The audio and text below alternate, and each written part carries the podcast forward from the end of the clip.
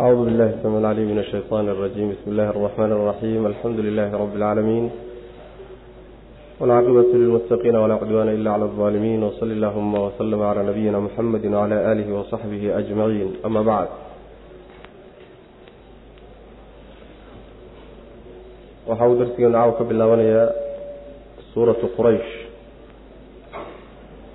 ama liilaaf kolba tira tidhaahdaba suuraddan waa suura makiya waaye oo waxay soo degtay hijradii nebiga sal alla alay wasalam ka hor bay soo degtay. Waxay mowduuc ahaan ku saabsan tahay nimankii reer qureysheed ahaa ee nebigeenu ka dhashay salawatullahi wasalaamu caleyh ee dacwaduna iyaga ay markii ugu horreysay ka dhex bilaabatay. Nimankaas waxyaalo ilaahay uu iyaga ku gooni yeelay oo waagaa khaas ku ahaa oo nicmooyin ah oo barwaaqa oo siismo ilaahay ah ayaa la xusuusinaya sidii suuraddii ka horreysaba iyadiyo tii hore isku mawduuca suuratu lfiil oo taasina waxay ahayd oo culayska weyn oo soo food saaray oo allah subxaanahu wa tacaala uu ka furdaamiyey. Tanina waxa weeye deegaankoodiiyo meeshay joogeen barwaaqo iyo nicmo ay ku haysteen waay. Bismi illaahi magac allaan ku bilaabaynaa suuradda. Allihii arraxmaani naxariista guud lahaa alraxiimi midda gaarkaana lahaa. Liilaafi qurayshin. Quraysh caadaysigeeda. Iilaafihim caadaysigooda dartii ay caadaysanayaan rixlata ashitaa'i xagaaga rarashadiisa iyo wasayfi wa rixlata asayfi iyo jiilaalka rarashadiisa. Caadaysigay arrinkaa caadaysanayaan dartii falyacbuduu ha u caabudeen rabba haada albeyti beytkan rabbigiisa ha caabudeen. Alladii rabbigaasoo acamahum quudiyey min juucin gaajo ka quudiyey xaggeed. Oo wa aamanahum aamin yeelay aamin geliyey min khawfin cabsina ka aamin geliyey. Yaani kuwa aamina ka dhigay oo cabsi ka aamin geliyey. Waxay suuraddu ka hadlaysaa dhulka jasiiradda khaasatan maka iyo eriyada ka agdhow. Dhul wax soo saaro ma ah.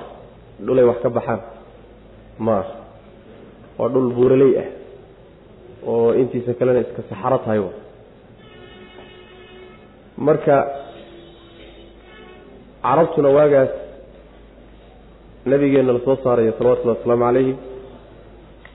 Dad waxay ahaayeen yani waxaan ka wadaa kuwi jasiiradda deganaa oo xijaaj khaasatan deganaa dadka xoolo dhaqataa bay u badnaayeen horumarka adduunku marka wuxuu ka jiray laba meelood. Sham oo furus ay ka talinaysay waxaan u jeedaa ruum ay ka talinaysay dowladdii weyneyd iyo yemen labadaa meelood.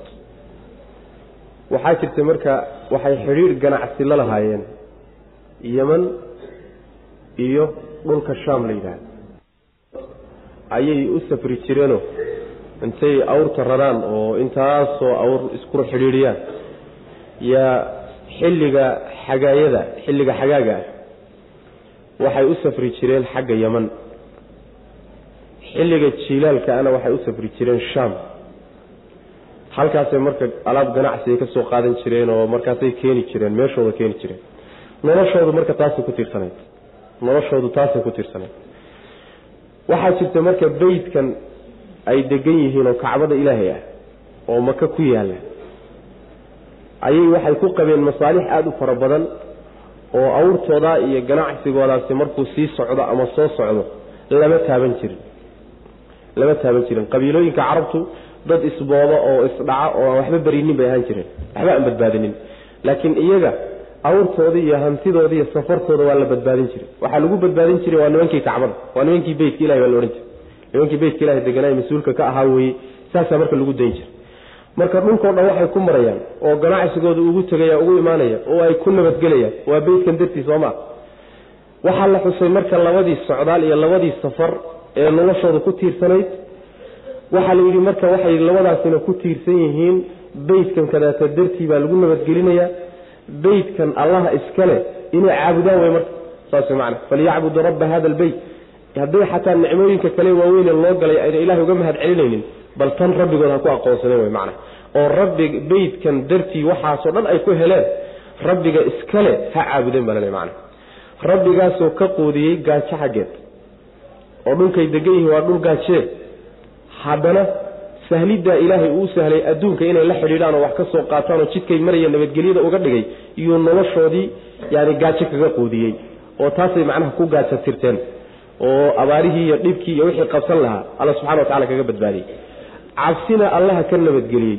Oo cabsina waxaa lagaga nabadgeliyey oy kaga badbaadeen oo kaga samato baxeen waa beytkan dartii isagan. Maxaa yeele carabta kaleo dhan markay isboobayso isdilayso isbaabi'inayso waxba aan isu reebeynin. Ayaga waxaa lagu nabadgelinayaa oo lagu daynhayaa oo xoolahooda ku nabadgelaya.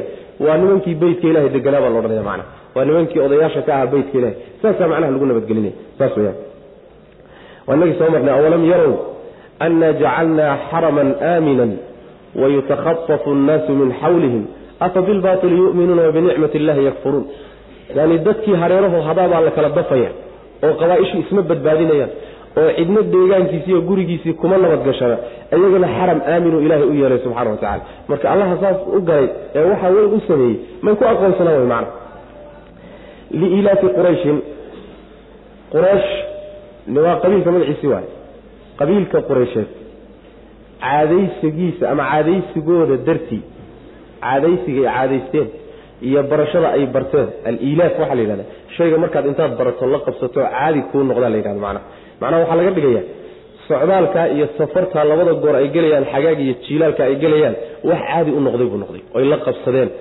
oo ay barteen buu noqday macnaha. Marka barashadaa iyo caadaysigaa darteed labadaas socdaal iyo labadaas safar iyo labadaas rarasho ay caadaysteen darteed ha ku caabudeen rabbiga beytka iskale. Beytkay intaa ku heleen rabbiga iskale ha caabudeen wy macnaha. Liilaafi qurayshin qabiilka quraysh caadaysigooda dartii caadaysigaa dartii.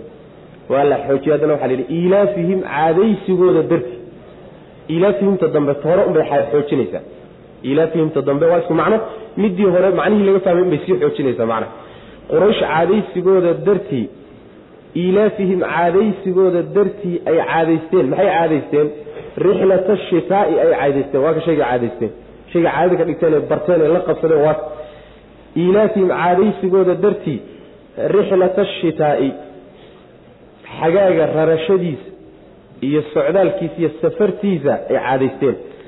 Wasayfi iyo jiilaalka socdaalkiisa iyo rarashadiisa ay caadaysteen darteed hee falyacbuduu rabba hada albeyt taa daraaddeed falyacbuduu ha caabudeen rabba hada albeyti beytkan rabbigii ha caabudeen.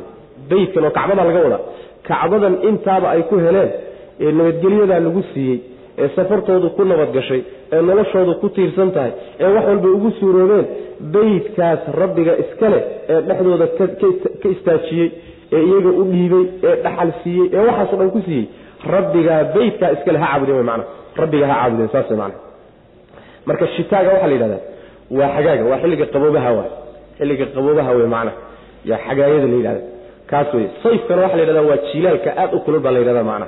Marka labadaa xilli bay midna yaman aadi jireen oo xilliga shitaha ah waxay aadi jireen yaman waa xilliga macnaha wax weeyaan qaboobe xagaaga wey xilliga kulaylka ehe macnaha jiilaalka ana shaam bay u safri jireen oo aadi jireen.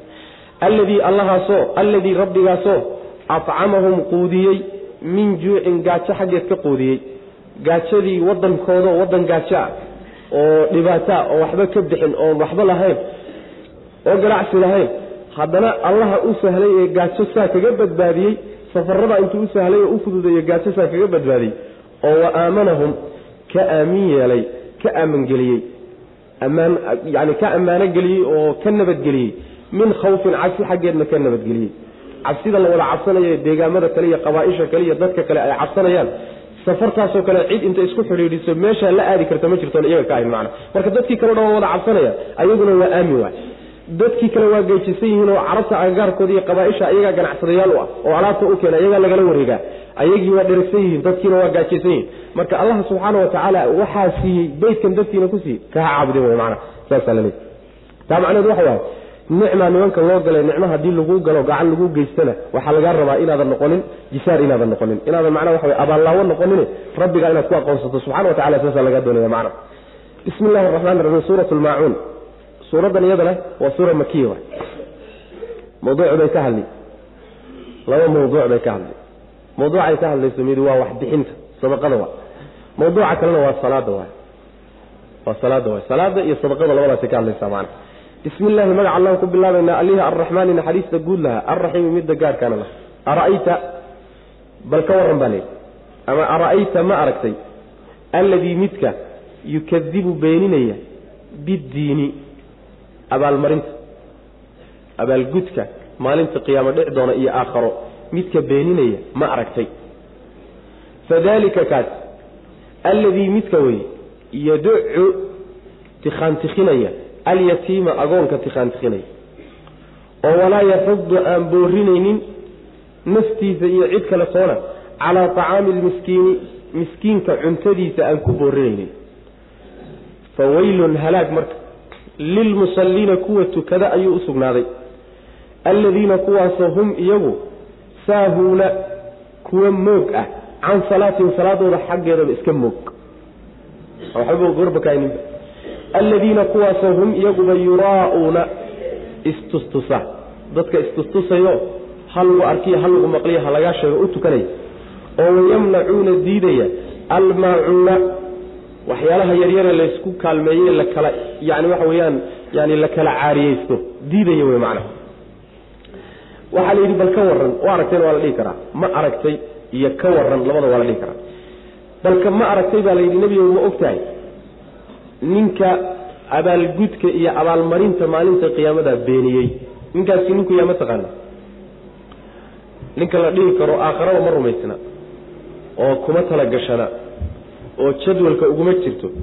Ninkaasi ninku yahay ma taqaanaa baa layidhi waa ma og tahay ninku yahay kaasi waxa waaye waa midka agoonka tikhaantikhinayaa la yidhi. Yawma yudacuuna ilaa naari jahannama dacan somana soo maray?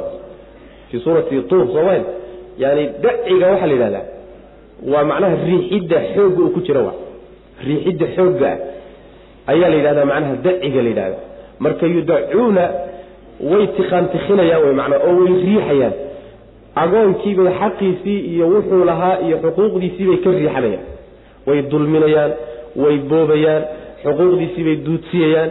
Ruuxa noocaasa way ruuxan aakhare iyo maalinta abaalmarinta kaan rumaysnayn waa kaasa leeyahay macna maxaa yeele hadduu aakhare rumaysan yahay oo uu ku talagashan yahay abaalmarin inay jiri doonto oo laysu abaalgudi doono oo nin walba wuxuu sameeyey aan lagaga harin hadduu rumaysan yahay agoonka wixiisa uma dhawaadeen saas way macana agoonka wixiisa uma dhawaadeen laakiin agoonka wixiisa waxaa u geeyey waa lagaaga daba imaan buusan islahayn. Hadduu leeyahay abaalmarin baa dhici doonto waa lagaaga daba imaan doonaa ku baxsan maysid. Muusan u dhawaaden wey macna. Waxaa la muujinaya marka agoonta iyo xuquuqdoodu siday halista u tahay macna. Saas wey halis waay aada bay halis u tahay. Talabaad waxaa lagu eedeeyo ninkaa layidhi miskiinka quudintiisana ma borriyo. Agoonkiina xuquuqdiisii uuba ka riixdaa uu lahaa oo ka tikhaantikistaa oo afkana ugama turo iyo hadalka adinkana ugama turo miskiinkii hala quudiyo war bulshada qeybteeda baahan iyo dadka dallayda oo hala tari iyana dadka kuma booriyo naftiisana kuma booriyo dadkana kuma booriyo saas macana marka waa taan iyadana maraban soo marne. Qur'aanka wuxuu inta badan uu cabiraa waxa laysku haysto wax ma bixinin. Waa arrin laysku qabsan waayo. Wax muusan bixinin xoolihiisa xuquuqdii lagu lahaa muusan ka bixinin. Waxaa intaa dheeroo iyadana laysku qabsani muusan dadka ku tirtirsinin oo muusan ku qalqaalinin oo muusan ku boorinin war dadka masaakiinta hala qoodiyo oo dadka dallayda wax hala taro.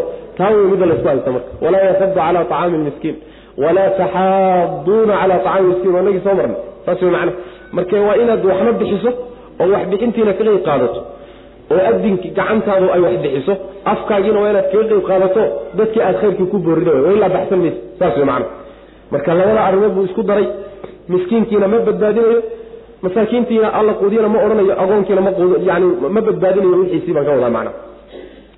Ayib intaa markii lagu kaa lagu eedeeye kaasi waa midkaan aakharo rumaysnayn oo ninkii aakharo rumaysan masaakiintana wuu u dadaalaa waxa la sii yidhahdaa agoonkana wixiisa isuguma dhawaada waa ka cararaa saas macnaha waxaa la yidhi marka waxaa halaag uu usugnaaday kuwa tukada. Markii hore banaanadaasa laga hadlayey hadda dadkii masaajid ku jiray ee tukanayay baa yaa loo soo galay. Masaajidki waa la isku masaajid kuwii ku jiray yaa loo soo galay. Waxaa la yidhi halaag iyo inkaaru waxay ku dhacday kuwa tukada. Kuwaasoo salaadooda ismoog moog oo iskaba moogba saahuun ah. Kuwaasoo istustusa maacuuntana diida oo reeba buu alla leeyahy subxana wa tacala kuwan mufasiriinta qaarkood waxay leeyihiin sida cabdullahi ibnu cabaas oo kale waa munaafiqiintu leeyahy waana u egyihiin tilmaamihii munaafiqiinta waay tilmaamaha waa tilmaamihii munaafiqiinta. Maxaa yeelay way tukadaano nimanku salaad la'aan ma ah. Masaajidkay ku jiraan safka horaa laga yaabaa inay ku jiraan zakada bal inay bixiyaan baa laga yaabaa soonkiibay soomayaan bulshadii islaamkaay ku dhex jiraan. Munaafiqiin sidoodaba waa qeyb bulshada islaamka ka tirsan waay qaybta yani muuqaalka kore bulshada muslimiinta ka tirsan yihiin waxyaalaha muuqaalada guud iyo shacaa'irta cala astaamaha guud ee diintu leedahay ee muuqatana way samaynayaan marka way tukanayaan laakiin ha tukadeene salaaday tukanayaan iyo salaada ruuxa muminka ee dhabtii tukanay isku mid maaha. Laba siyoodba isaga mid maaha. Waa midda koobaade salaada ay tukanayaani salaad waafaqsan ma aha sharciga waafaqsan maaha. Salaad waafaqsan ma aha sharciga sidii alla u farayna loo tukanayo ma aha oo waxaa taa ku tusaya alladiina hum can salaatihim saahuun. Way iska halmaansan yihiin way moog moogiddaa waxaa laga wadaa ama salaadii waktigeedii bay ka dibridayaan oo meeshii loogu talagalay in la tukado wakti hebel waktigii intay ka dibridaan bay gadaal ka tukanayaan. Sida dad badan roobda bay yidhahdaan waan qallayn dib baan ka qallayn doonaa. Soomaalida aad bay ugu badanta waan qallayn doonaa buu dhahaya macna. Intuu salaadaha maalinta dhan iska dhaafo ceshihii markuu guriga yimaado iyuu shantii salaadoodba laga yaaba inuu isku daro macna marka waxa weeyaan waktigeedoo laga saaro salaada alladiina hum can salaatihim saahuun way soo gelaysaa. Maxaa yeele nabigu salawatullhi wasalaamu calayh. Waxa uu yidhi tilka salaatu lmunaafiq tilka salaatu lmunaafiq tilka salaatu lmunaafiq taasi waa salaadii munaafiqa waa salaadii munaafiqa waa salaadii munaafiq. Wuxuu yihi nabigu sal lay waslam wuu iska fadhii. Qoraxdaasuu fiirsanhayaa isuu qoraxda usugay usugaya markay baalka dhigto buu intuu istaago. Yuu wuxuu yani kaga qubqubsiinhayaa afar ragcadood ood moodo qaabkuu u tukanayo yani sidii digaag ama shimbir ama tuka biyo caddahayo kaleeto qub qub qub qub qub intuu kaga siiyo iyuu ka dhaqaaq soo boodi markiiba macna. Markaasuu nabigu uri sal lay waslam taasi waa salaadii munaafiqa buu nabi uri salawatullah waslamu caleyh marka hay'aadkeediina ma hagaajinin iyo qaabkii loo tukan lahaa oo wuu dadejiyey yani xasiloonidii laga rabay iyo duma'niinadii iyo kula muusan imaanen waktigeediina dib buu uga riixayo waktigii loogu talagalay salaada muusan tukanin marka alladiina hum can salaatihim saahuun qolyahaasi macnaha waa laga wada waxaa kaloo laga wadaa dadka qaarna mar qaar marna tukada marna salaada ka taga ayagana fasirida qaar baa ku fasiraya. Marna way tukanayaan marna waa ka tegayaan macna. Middaas horta wuu ku khilaafayoo salaada muminka iyo tiisa isugu mid ma ah waa midda labaade salaada ruuxa muminka uu tukanaya ilahay dartii buu ula jeedaa. Aakharu wax ku doonaya. Wuxuu rabaa inuu janno ku helo naarna kaga nabadgalo. Saasuu rabaa. Rabbigiibuu ku raalligelinayaa cadho ilaah iyo cadaabkiisuu kaga cararayaa niyadaasaa ku jirta ujeeddo adduunye iyo magac iyo hal lagu sheegiyo hal lagu arkiya kuma jirta qalbigiisa laakiin kan asagu ujeeddada salaadaba ku bixinaysa ee uu tukanaya waxa waaye hal lagu sheego hal lagu arko hal lagu maqlo way macana iyo sumcad aad ku heshay iyo muslimiinta aad ku dhex gashay iyo dhiiggaagiiyo naftaada ha kuugu badbaado maxaa yeele salaada hadduu ka tago waa la dili. Danahaasuu ku wataa laakiin ma rumaysna salaada inuu wax ka helayo macana kaas wey macana marka aladiina hum yuraa'uun waa macnaha waxa way istustusida waay. Hal lagu maqlo hal lagu arko hal lagu sheegataa way macana labadaa tilmaamood waa lagu tilmaamay. Salaadooda way moog yihiin. Waa mid laba si sharcigu ugu talagalay uma tukanayaan. Waa mid laba xaggii salaad yani waxa weyaan arkaanteedii iyo hay'aadkeedii iyo khushuucdeedii iyo lama imaanayaan.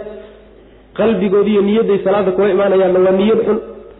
Ta saddexaad waxa la yhahda yamnacuuna almaacuun. Maacuunta waxaa la yidhahdaa waa alaabta yaryarka ah. Waxyaalaha yaryarka ah ee dadku u wada baahan yihiin. Inta badanna la kala ergisto.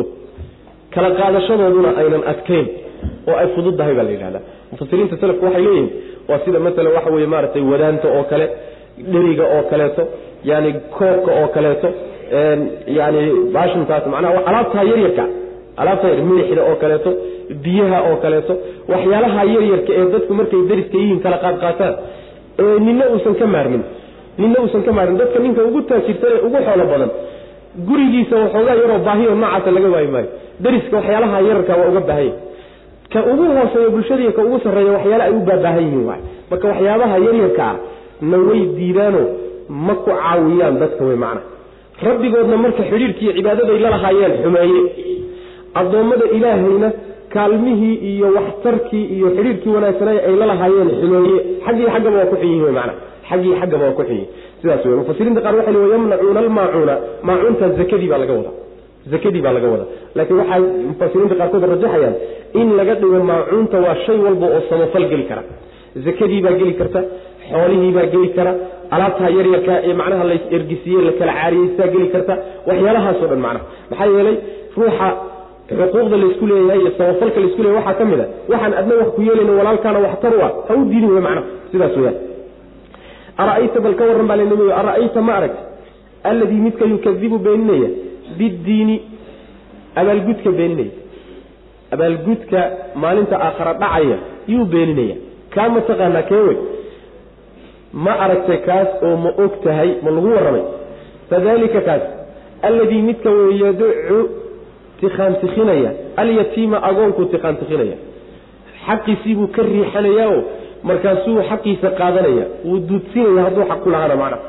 Walaa yaxudu mana booriyayo calaa tacaami lmiskiini miskiinka cuntadiisana kuma boorinayo dadka. Walaa yaxudu nnaasa dadkana kuma booriyayo calaa tacaami lmiskiini miskiinka cuntadiisa. In la cunto siiyo oo la quudiyo oo loo furo oo loo naxariisto oo dadka ku boorin maayo. Fawaylun halaag marka. Lilmusalliina kuwa tukada ayuu u sugnaaday. Alladiina kuwaasoo hum iyagu saahuuna moog can salaatihim salaadooda xaggeedaba iska moog. Salaadii buu gelayaayo wuu ku dhex jiraa muuqaalkiisa kore markaad aragtay inuu tukanayaad moodaysa laakiin wuu ganacsanaya saas macana isagoo salaada ku jira. Kulkuletor buu haystaayo markaasuu wax kale xisaabinaya. Afar iyo labaatanka sac. Saas macana muuqaalkiisa kore markaad aragto saf buu ku jiraayo waxbuu ka tukanaya. Laakiin waa maqay. Salaadiisa dhan baa marka saa ku dhammaani salaadiisa dhan. Waxaa la doonaya salaadda maxaa yeelay lubbigeediiyo asaaskeedu waxa waaye tiirdhaxaadka waxa u ah waxa weeye waa khushuucda waay. Khushuucduna waa inuu qalbigaagu joogo wey macana inuu qalbigii joogo hay'aadkeedii in loola yimaado xasiloonidii in loola yimaado waxyaalahaasoo dhan baa la doonaya macana marmarka qaarkood ruuxa xataa ugu dadaal badan qalbigiisu waa baxaa. Oo waa maqnaadaa. Oo sahwi waa ku dhaca taa lagama wado. Taa lagama wado. Oo marar badan baa waxaa dhacaysa waxaa tukatay inaad garan weydo intuu shaydaan ku warramo oo meelaha kuu foofiyo ku kaxeeyo taa lagama wado ruux walbay ka dhacdaa. Laakiin waxaa laga wadaa ruux caadada ka dhigto yani kaba dhigtayba shaqo ka dhigtayba salaada markuu galaba inuu ku dhex shaqaysto. Saas macana ruuxaasi waa soo gelaya walaa shak yani waxa weyaan yani waa foofahayaayo meelahaasu soo marmarayaayo siday soomaalidu odhan jireen mid baa waxa laga sheegay maarata war maanta salaaddii maxaa ku dhacay? Maxaa dha ma waxbaa ka maqan salaaddii oo se waxu jiraan hadduu yani waxa salaada marka la galo intaan tago oon midheblo soo maro midheblo soo maro midheblo soo maro. Markaan soo laabta salaada laga bixi jiray. Haddana anuu dhexda ku sii jiraa salaadii laga baxay. Ficlan saas wa dad baaba shaqadooda ka dhigta macnaha jaanis ay u waayeen meelo kale waktiyo kale ay u waayeen bay salaada dhexdooda kaga shaqeeyaan macnaha marka taas waa soo gelayaan mar marka qaarkii inay kaa dhacdo lama diidana. Lakin waa caado ka dhigata lama rabo. Waa in qalbigaaga la dagaalanto shaydaanka iskala dagaalanto salaadii khushuucdii inaad soo xaadirtaa loo baahan yahay macna saas. Aladiina kuwaasoo hum iyagu yuraa'uuna istustusaya oo dadka istusahayoo ha lagu arko darteed u tukanaya macna. Waan soo marnay munaafiqiintu inay caadadooda taasaa tahayo sidoodaba ma istaagaan inay istusayaanoo ha lagu arkiyo ha lagu maqla ay leeyihiin m mana saasay u tukadaan salaadooduba waa intaa macna. Nabiguna sal alay slam xadiis saxiixa ku odhanaya man samaca samaca allahu bihi. Ninkii ismaqashiya oo ha lagu maqlo darteed u sameeya daacada ilaahay maqalkaa un ilahay dheefa uga dhigo. Saas way macana ninkii ha lagu arko u sameeya daaco ilaahay araggaa la arkay un ilaahay dheefa uga dhigo. Oo ficlan saas way wax kale uu ka helaya ma jiro intana waaba loo ciqaabiyo in loo cadaaba laga yaaba macna sidaas wey marka halis waay. Wayamnacuuna aladiina kuwaas hum yuraa'uuna yani istutusayoo dadka ha lagu arka darteed u tukanaya oo wayamnacuuna diidaya oo reebaya almaacuuna waxyaalaha yaryarkee laysugu samafale laysugu kaalmeeya ama samafalka waxyaalaha laysugu samafalo oo dhan oo zakadii baa soo gelaysa sadaqadii baa soo gelaysa alaabta yarka yelaysa caariye yelaysa ergisiyaa soo gelaysa waa la dhihi karaa macana suurat lkawtar bismi illahi araxmaan araxiim suuraddan iyadna waa suura makiya waay. Bismi illahi magaca allaan ku bilaabaynaa allihii arraxmaani naxariista guud lahaa alraxiimi midda gaarkaana laha. Innaa annaga ayaa actaynaaka ku siinay nebigu alkawtara webiga kawtar layidhahdaan ku siinay. Ee fasalli tuka marka lirabbika rabbigaa u tuko. Oo wanxar dhuundhow lirabbika rabbiga dartii u dhuundhow. Inna shaani'aka midka kuu cadhaysan ee ku colaadinaya huwa isaga ayaa alabtaru midka dabada go-an ah. Waxay ku soo degtay odayaashii reer quraysheed ayaa nebiga salawatullhi wasalaamu calayh dacayaadkay nebiga dacayadeynahayeen iyo wax ka sheegay ka sheegayeen bay yaa waxaa ka mid ahaa in nebiga salawatullhi wasalaamu caleyh markay wiilashiisii wada geeriyoodeen ila nebigu sal ly waslam wiilal dhowru lahaa. Wiilashii marka iyagoo yaryar bay wada dhinteen. Odayaashii ree qurayshta mid ka mid ah marka wuxuu yidhi war kan ma ujeedaan arrinkiisa waxbaa isku lugoynina. Waa abtar wey abtar abtarka waxa la yidhahda waa shayga dabada go-an wax ka hadhayo uusan jirin. Maxaa yeelay marba hadduusan rag ka hadhaynin oo wiilashiisii hadda waa wada tegeyba isaguna yani noloshiisu wakti bay leedahay. Wuu iska tegi doonaa wuu geeriyoon doonaa. Hadduu geeriyoodana magaciisuna jiri maayo. Mabdi'iisana wiil u dhalay oo ka xambaaro oo sii wada ma helayo. Sidaa daraaddeed arrinkiisuba intaasu ku dhammaan doonaaye. Warkan waxba haisku lugeynina faraha ka qaada buui maana intaasuba arrinkiisu ku gabagaboon doonaa. Markaasaa nabiga salawatulli wasalaamu caleyh aayad suuraddana marka soo degtay macna. Ka hadlayso salawatullhi wasalaamu caleyh iyo awaamir alla siinayo subxana wa tacala marka waxaa la yidhi nebi allow waxaanu ku siinay kawsarka kawsar baan ku siinay. Kawsarkaa nabigaa fasiray salawatullahi wasalaamu caleyh xadiid aada u fara badan baa nabigu sal lay waslam wuxuu yihi atadruuna ma alkawsar kawsarku wuxuu yahay ma taqaanaa buu nabi ui salawatullah waslamu caleyh markaasay saxaabadu waxay idhahdeen ma garanayno. Markaasaa nabigu wuxu uhi sal lay waslam waa webi jannada ku yaalla oo alle isiiyey subxaanahu wa tacaala. Webigaas weelashiisa iyo koobabka lagaga cabayaay xidigaha tiradooday dhan yihiin. Waana darka ay mu'miniintu ku wada aroori doonaan maalinta qiyaamada. Oo ninkii ka cabaayay dib damba uusan u oomeynin wuxuu nabigu ku sheegay salawatullhi wasalaamu calayh in webiga isaga ah biyihiisu ay aada u cad yihiin aada inay u cad yihiin sida caanahoo kale. Dhadhankiisuna uu malabkoo kale yahay. Xareerihiisa labada dhinac waxaa kaga teedsan guryo iyo teendhooyin luul ka samaysan. Teendhooyin luul ah baa ka samaysan. Carada uu webigaasi marahayana udgoonka ka soo baxaya waa miskigoo kale buu nabigu ui salawatullah waslamu caleyh marka waa webi aada u qiimo badan oo nabigu sal lay wasalam uu sheegay nebigeenana lagu gooni yeelay salawatullahi waslamu caleyh iyo ummadiisaa la siiyey.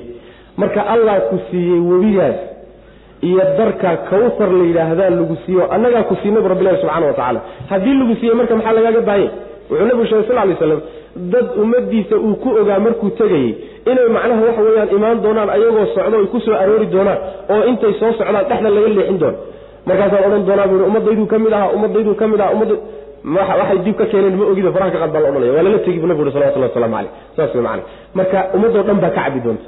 In alle intii ilahay khayr uu la doono ummadda nabiga salawatullahi wasalaamu caleyh oo rumaysay ayaa ka cabi doonta wy maana marka yani waxa wey webigaa wa marka waxaa la yidhi nebigu waxaanu ku siinay kawsar. Mufasiriinta qaar ka mid oo mufasiriintii selafka waxay leeyihiin kawsarka waxa la yidhahda waa khayrka faraha badan. Min alkasra baa laga keenay. Oo khayrka faraha badan marka lagu fasirana webigu waa soo gudagelaya macna. Waa ka mid khayrka faraha badan ee nabiga la siiyey salawatullahi waslamu caleyh laakiin waxaa ka fiican in maadaama nebigu sal ly waslam uu kawtarka ku fasiray inuu webiga magciisa yahay oo webiga laftiisa yahay saa in lagu fasira fiican. Maxaa tafsiirka nabiga sal lay waslam midna lama garab dhigi kara macna mar haddii marka kawtarkaa lagu siiyey oo webigaa lagu siiyey maxaa lagaaga baahan yahay marka? Soo inaad mahadnaqdo ma ah. Oo maxaad rabbigaa ugu mahadnaqi ma afka unbaad alxamdulilah ka dhig. Maya camal baa lagu mahadnaqaa saas macana mahadnaqi marka aada mahadnaqi lahayd wuxuu yahay fasalli tuka marka. Salaada badso oo tuka baa laleeyahy rabbigaa u tuko. Cid kaleeto salaada ha la wadaajine. Ilaahay keligii uu salaada u jeeso isaga u tuka baa la leeyahay nabiga salawatullahi wasalaamu caleyh gawraco naxriga waxa la yidhahda dhundhow baa la yidhahda naxriga. Naxriga waa gawraca qayb ka mida waay laakiin waa gawraca lagu sameeye geela waay gawraca geela lagu sameeyo wey sida saxiixa macnaha tafsiir badan baa ku jira laakiin sidana xoog badan.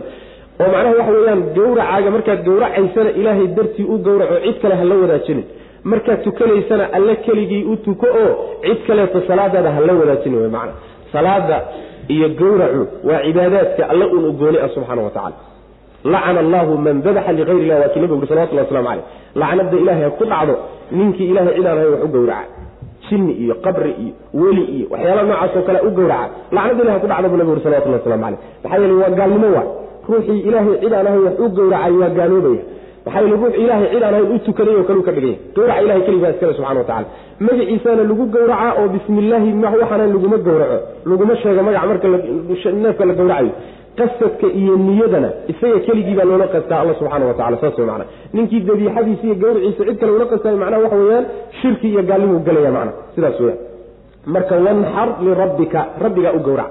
Waa kaan soo marnay. Qul ina salaatii wa nusukii wa maxyaaya wa mamaatii lilahi rabbi alcaalamiin laa shariika lah. Salaadayda iyo gawracayga soomana soo maray tiyo kale wey marka. Ilaahay keligii baa iskale cidina lama wadaagto. Saas wey macana marka gawracu waa cibaado ilahi subxana wa tacala gooniya oon cid la wadaagtaa ayna jirin wey macana marka labadaa cibaado ee waaweyn rabbigaa ugu mahadnaqo ugu mahad celi webigaa wanaagsane uu ku siiyey aduu uga mahadnaqayo macna. Iyo nicmadaa iyo barwaaqadaa weyn. Markaasaa kii nebiga dhaleeceynaya ceebeynaya wax ka sheegayey baa marka laga hadlo waxaa la yidhi inna shaani'aka kan kuu cadhaysan ee ku colaadinaya ee wax kaa sheegaya eele wuu daba go-an yahay oo waa gablan oo cidi kama hadhin oo warkiisu waa iska dhammaan doonaa huwa alabtar isagaa daba go-an baa layidhi isagaa daba go-an oo khayr oo dhan ka daba go-an saas way macna. Yani wuxuu ka daba go-an yahay wax alla wixii wanaag oo dhan buu ka daba go-an yahay. Wanaagga raagba kuma laha. Dabadiisu maba soo gaadhoba macnaha khayrka ma soo gaadho. Shar iyo balaayo unbuu ku urursan yahay wey macna. Marka ninka dabada go-an isaga waa. Ta labaad ninka magaciisa la waayi doono oo dib damba wax u sheega aan la maqli doonin oo magaciisu uu baabi'i doono waa isaga ee adiga ma ah maxaa nabiga maxamed salawatulli waslamu aleyh markuu geeriyooday kadib ilaa adduunyadu ka gabagaboobayso ilaa aakharo magaciisaa taagan nabiga salawatullah waslamu aleyh saas wey macana baa dhimatay iyo isagaa geeriyoodatona magaciisu ma baabi'in warafacnaa laka dikraka waa inagi kaga soo hadlay masalada iyada macna. Marka waxa weeyaan isagii laakiin odaygiisaa lahaa ama abujahl ha ahaado ama oday kale ha ahaadee magiciisii lamaba hayaba yaa hayo magaciisa soo qaaday. Haddii la qaadayna isagoo la baa la soo qaaday. Oo inkaari kugu dhacda odayga yaa suuqa haba lagu hayo. Saas wey si kale loo soo qaadi maayo. Marka isagaa abtaroo daba go-an oo khayrna ka daba go-an magaciisuna daba go'ayo dhammaan doonaa wey macana innaa anaga ayaa actaynaaka ku siinay nebiyow alkawtara webiga kawtar la yidhaahda ee jannada ku yaalla annagaa ku siinay ee khayrka badan. Darkaa lagu aroori doono ay ummadaadu ka cabi doonto. Ee fasalli marka tuko lirabbika rabbigaa u tuko. Isaga keligii u tuko salaadaada. Ceed kaleeto haba yaraatee hala wadaajin wey macana wanxar gawrac haddii nabigeenna lala hadlayo salawatullahi wasalaamu caleyh hadalku inagu inoo dhacaya ilahay laynoo jeedaa lan nabigu salawatullahi waslamu aleyh marna ilahay cid aan u tukan maayo. Marna mana ilaahay cid aan u gawrici maayo. Laakiin qolada khaladaadka iyo ilduufka iyo simbiraxadu ka dhacayso waa inaga waay. Inagaa marka hadalku inoo dhacaya macna. Fasalli tuko lirabbika rabbigaa u tuko oo wanxar dhuundhow dhuundhow macnaha geela iskale maxaa yeele isku meel lagama gawraco geel iyo xoolaha intooda kaleeto geela waxaa laga gawracaa halkaa dhuuntaabaa marka hore mindida lagaga dhuftaa macna. Halkaa dhuunta macnaha waxa jilaaca yaa mindida lagaga arooriya. Marka kadib baa macnaha la gawraca xoolaha kaleetona macnaha waxaa laga gawraca luquntaa laga gawraca yani waxaan u jeedaa hungurigaa laga gawraca macna marka naxriga waxaa la yidhahdaa gawraca geela dabxigana waxaa loo isticmaalaa lo-da iyo adhiga iyo gawracooda loo isticmaala. Marka wanxar dhuundhow wey macna dhuundhow oo dhuunta ku dhufo geelaad gawracaysa ilahay dartii u gawracaysa ama xaj u gawrac oo macnaha ha noqdo hadiyadii xajka ha noqdo ama xoolo kaloo gawracaysaba ha noqdo macna ina shaani'aka midka kuu cadhaysan ee ku colaadinaya ee ku wax kaa sheegayaay huwa isaga ayaa alabtaru midka dabada go-an ah. Midka dabada go-anee khayr oo dhan ka daba go-an isaga weyaan bu rabbilahi subxana wa tacala abtarka asalkiisa waxa la yhahdaa neefka dabada go-anaya xoolaha.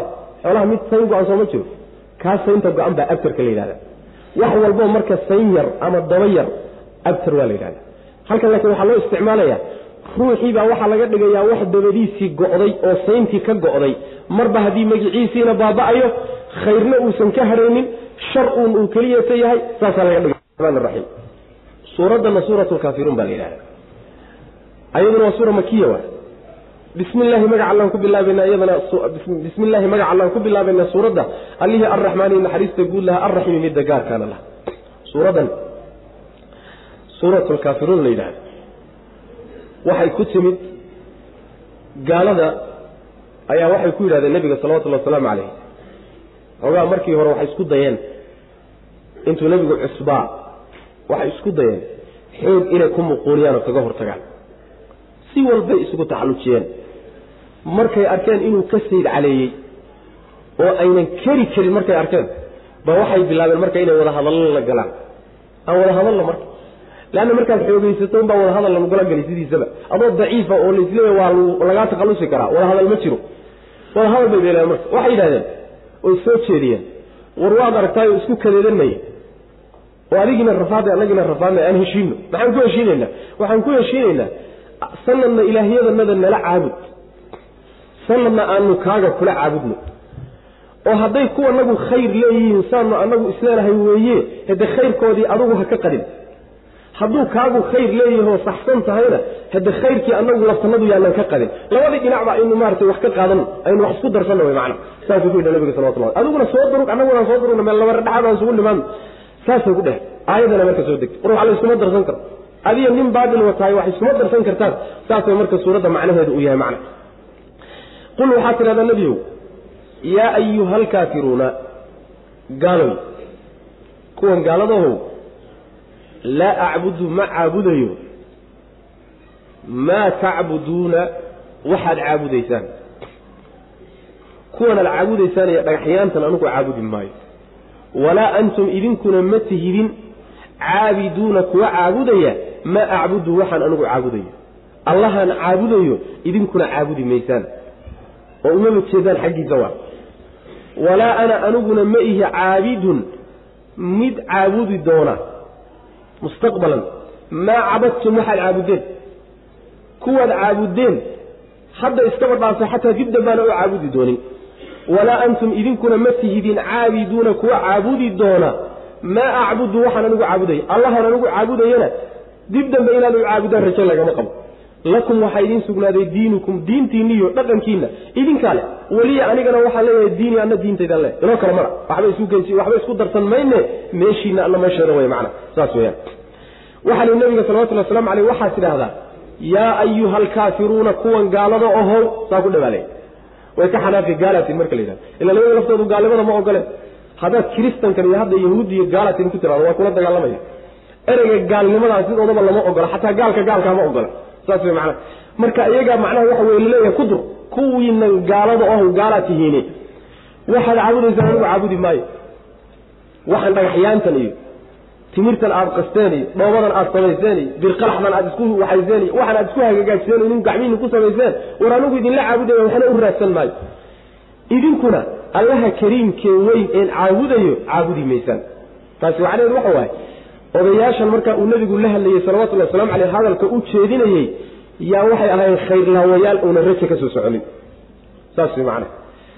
Waxaa la yidhi haddana anigu caabudi maayo waxaad caabudeen. Idinkuna caabudi maysaan waxaan caabudayo diintiinaad leedihin anna diintaydaan le saas way macnaha. Marka afar goor baa la soo celiyey laa acbudu maa tacbuduun walaa antum caabiduuna maa acbud walaa ana caabidu maa cabadtum walaa antum caabiduuna maa cabud maxaa laga wadaa? Culimada qaar waxay leeyihiin waa adkayn un laba aayadoodna way is adkaynayaan oo way isxoojinayaan oo macnaha waa isku mid un labana way isxoojinayaan laa acbudu maa tacbuduuna iyo walaa ana caabidu maa cabadtum labadaasi nebigiibaa iska hadlayo waxa weeyaan way isxoojinayaan oo waa isku macno. Walaa antum caabiduuna maa acbudu iyo walaa antum caabiduuna maa acbuduna waa laba aayadoodoo isku mid aho waa isku macno way isxoojinayaan sidaas mufasiriinta qaar baa qaba. Waxaa ka fiican in mid walba macno kale gedisan laga dhigo si aayad walba macno madax bannaan ay u faa'iidayso oo faa'iide madax bannaan looga helo. Waxay markaa noqonaysaa in la yidhaahdo laa acbudu maa tacbuduun hadda oon joogo xilligan aan joogo caabudi maayo asnaamtaad caabudaysaan haye? Walaa antum caabiduuna maa acbudu idinkuna. Ilaahayga aan caabudayo hadda caabudi maysaan. Oo labada ayadood waxay ka hadlayaan xilligaa markaa la hadlaya la wada joogo labada ka dambeeyana waxay ka hadlayaan mustaqbal dambe. Walaa ana caabidu maa cabadtum mustaqbalka dambena rajo lagama qabo inaan idinla caabudo waxaad caabudaysaan. Idinkana walaa antum caabiduuna maa acbudu rajo lagama qabo. Allahaan caabudaya inaad ila caabudaan oo gaalnimaad ku dhiman doontaan wey mana saas mana oo midna mustaqbal laga dhigo midna maadi laga dhigo. Sidaasi waa macno qurux badan waay mufasiriinta qaar baa maray. Waxaa ka sii fiican. Macnaha ibnu kasiir uu marayo in la yidhahdo laa acbudu ma caabudayo. Gaalo yahay maa tacbuduuna waxaad caabudaysaan oo shaygii la caabudayay ilaaha ay ka dhiganayeen bay ku dhacaysaa. Walaa antum idinkuna ma tihidin caabiduuna kuwa caabudaya. Maa acbudu allaha aan caabudayo oo waa allihii weynaa u caabudayo waa shaygii la caabudayay bay labaduba ku dhacaya kaynu caabudayno aynu aadayno ee wax u raadsanayno ee aynu baryayno isuma imaan karaan. Adna isagaan allaan caabudaa idinkuna dhagaxyaan baad aadaan. Taasi waa mid labadan dambe waxaad ka dhigaysaa marka mabdigii iyo dhaqankii iyo jidkii loo marayey wey macnaha oo waxay noqonaysaa walaa ana anigu ma ihi caabidun mid caabudaya maa cabadtum cibaadatakum. Oo maada masderiye ka dhig. Cibaadadiinna iyo qaabka aad u caabudaysaan asnaamtiinna idinkuma waafaqayo idinkuna walaa antum caabiduuna maa acbudu idinkuna cibaadadan caabudaya iyo qaabkaan rabbigay u caabudaya igu waafaqi maysaan. Labada aayadood hore marka waxay noqonayaan ka caabudayo isku waafaqi mayno labadan dambena maxay noqonayaan? Jidka loo marayo ka caabudahaya ee cibaadada lafteedii iyo qaabkii loo caabudayana isku waafaqi mayno. Ee anigana qaab alle ii dejiyey baan u caabudaya rabbigay. Idinkuna qaabaad hawe iyo naftiina ka hesheen baad u caabudaysaan asnaamtiina marka waxa weya saana waa lagu kala duwi karaa oo ta dambe cibaadadii baa laga dhigay.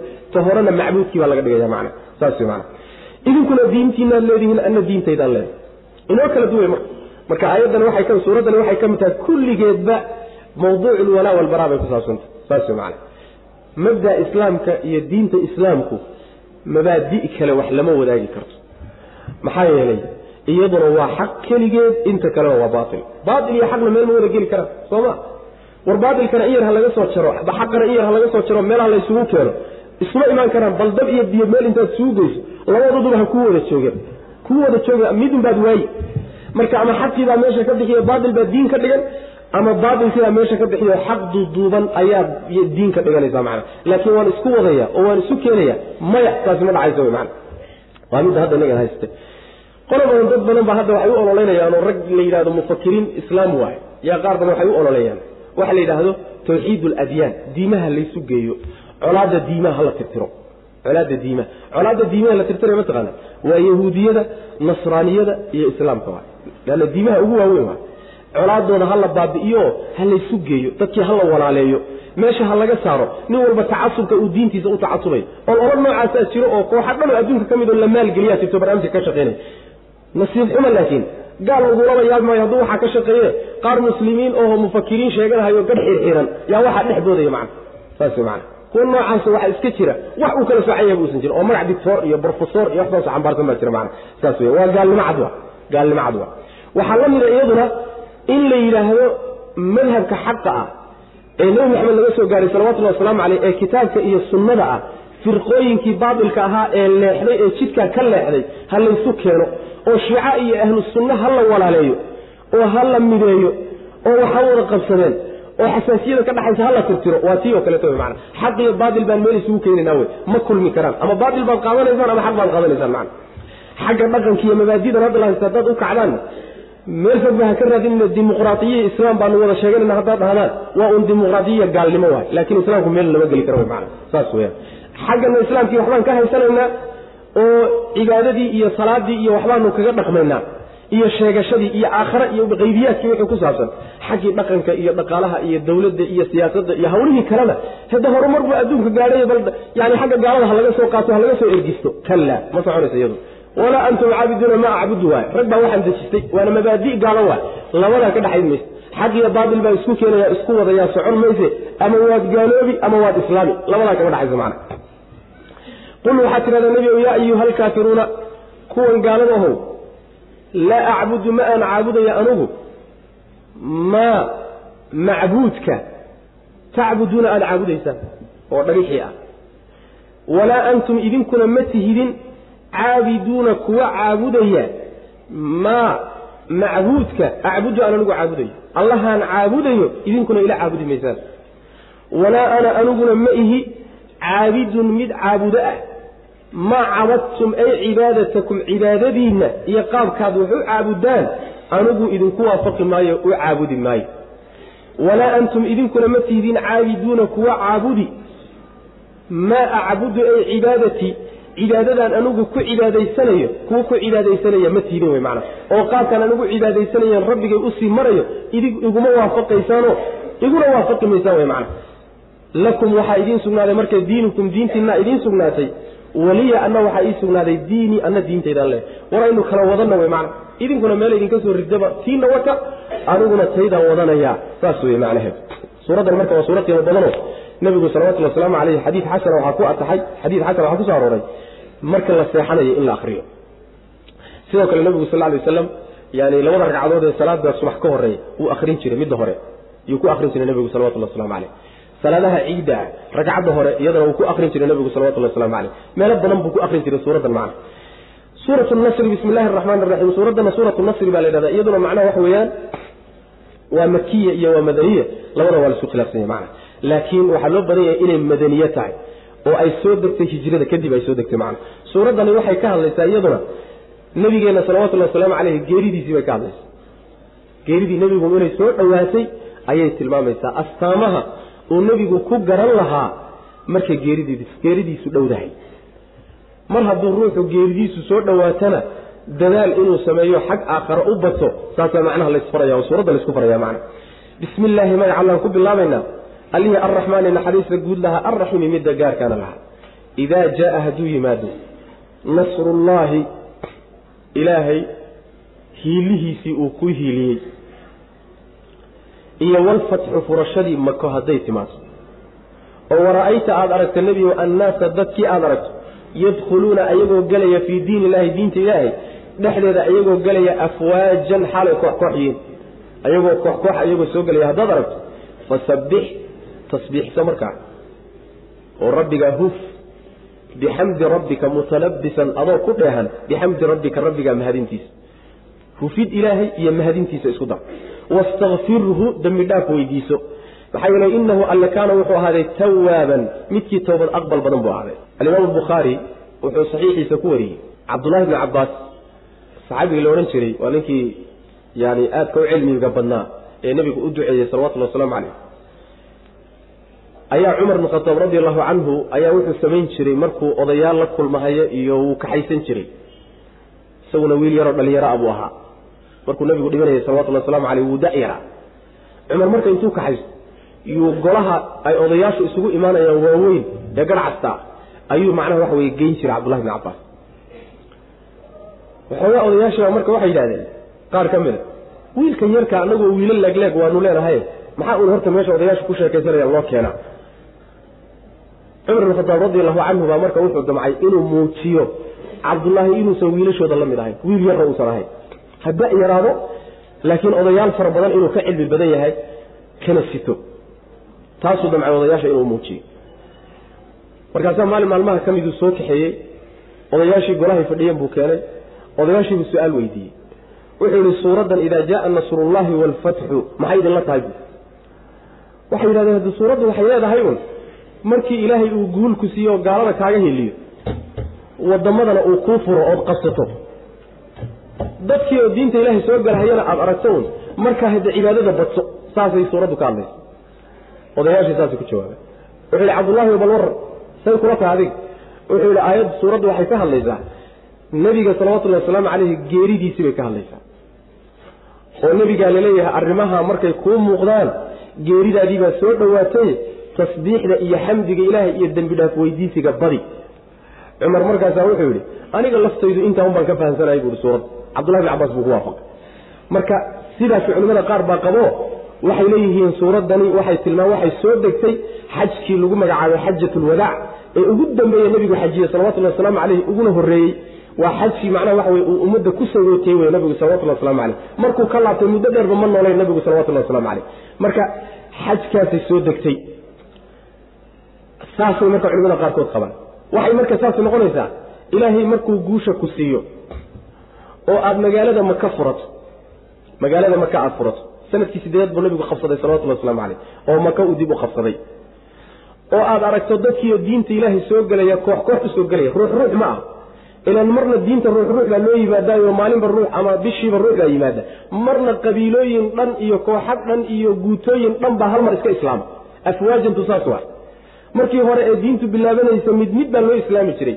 Laakiin calaamada hadda lagu tilmaamayo waxa weeye dadkii oo iyagoo koox kooxa hal mar diinta soo gelaya markaad aragto markaasi fasadix bixamdi rabbika wastakfirhu baa leey sidaa yeel baa le nabiga salawatullah waslamu caleyh maxaa yeele carabtu nabiga salawatullhi wasalaamu caleyh intii muddadii dheerayde uu dacwada waday ee uu madiine joogay marna maka joogay qabiilooyinka carbeede kale waxay go'aan ku qaateen oo yidhaahdeen bal ninkan kadaata iyo reerkiisa uu ka dhashay reer maka ah reer quraysheed halaysu daayay aan isku fiirsanno haye hadduu ka adkaadana hadde ninkan wax loo dabac dhigi kara mehe waa inuu iska raacno hadduu makadii iyo magaaladii uu ka qabsado magaaladii hadda ka hor maroodigii iyo abraha ay qabsan waayeene ilaahay ka celiyey. Haddii maxamed intuu ugu tago uu ka qabsadaayo hadda ninkaasi nin loo dabac dhigi karo ma waa nin la garab taagan yaho lala socdo. Kii abraha meesha ka celiyey baa la socde waa inaan rumayne dheh waynu raacno haddiise laakiin reerkiisu ka adkaado uu maka ka qabsan waayo dee muxuu sheegi sharkiisaba reerkiisii baa inagaga filaaday? Qoysku ka dhashaa inagaga filaaday macna. Marka bal aan la sugno magaalada makiya waxay ku dambayso aan la sugno mawqifkeena dheh. Saasay qabiilooyinka intooda bal go'aan ku gaadheen waxaa la sugaya marka laga shindhowrayey bal magaalada makiya waxay ku dambayso. Sanadkii sideedaad markuu nabigu magaalada maka qabsaday salawatullhi wasalaamu caleyh ayaa marka qabiilooyinkii oo dhan koox koox iyagoo abay marka soo islaameen caamul wufuud baa marka bilowday. Sanadkii sideedaad iyo sanad maxaan ka wadaa sannadkii sagaalaad. Waa sanadka la baxay caamul wufuud saas wey macnaha. Ugaasiyadii iyo salaadiintii baa imaanaya qabiilkoodii bay matelaya waxay leeyihiin reerkanagii oo dhan oo intaasoo kun ah ayaanu ka soconnaay oon islaamnimadoodii wadnaa. Hayahana laga guddoomo waa laydinka guddoomo way laabanaya qolo kaloo socoto reer kale waa kuwa salaadiintoodii ugaasyadoodii baa socota. Wara'ayta annaasa yadkhuluuna fii diin illahi afwaajan saas marka dadkiibaa koox koox iyo qabiil qabiil marka diinta u soo galay. Mid mid ma aha macna.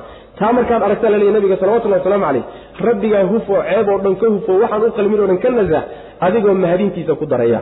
Dembi dhaafna weydiiso. Waxay caaisha tiri radi allahu canha ilaa suuraddani markay soo degtay wixii ka dambeeyey nebigu salawatullahi wasalaamu caleyh wuxuu badin jiray subxaanaka allahuma rabbana wabixamdika astaqfiruka subxaanaka allahuma rabbana wabixamdika allahuma akfir lii saasuu nabigu badin jiray salawatullah waslamu caleyh yani isagoo suuraddan ku camal falay suuraddan maxaa waxa la yidhi tasbiixsaa la yidhi sooma subxaanaka allaahumma waay rabbanaa wabixamdikana waxa weye waa xamdigii waay astakfirukana yani allahuma akfir liina waxa weeyaan macnaha waxa weyaan wastakfirhu waay suuraddanu marka nabigu ku camal falayay salawatullah waslamu aleyh saasuu badin jiray rukuucduu dhihi jiray banaanka warku jooguu dhihi jiray aad buu nabigu u badin jiray salawatullah waslamu caleyh saas weya idaa jaa hadduu yimaado nasrullah culimada qaar ka mida waxay leeyihiin suuraddani waxay ka hadlaysaa haba ku saabsanaata nabiga geeridiis salawatullahi wasalaamu caleyh laakiin waxay tilmaamaysaa xugum axkaamta sharciga ka mid ay jidaynaysayo haddii ilaahay uu waddan kuu furo oo aad dhul gaalo ka qabsato ood la wareegto dhul baad qabsatay oo ummad baad ka adkaatay darteed ha u kibrine marka waa inaad khushuucdo ood isdhiibto ood rabbigaa u tukato oo tasbiixsato oo ay kaa muuqato rabbi cadamadiisa subxaana wa iyo weynankiisa tabartaa inaadan wax ku qabanin ee rabbi kaalmihiisa inaad ku qabato waa kaa muuqato.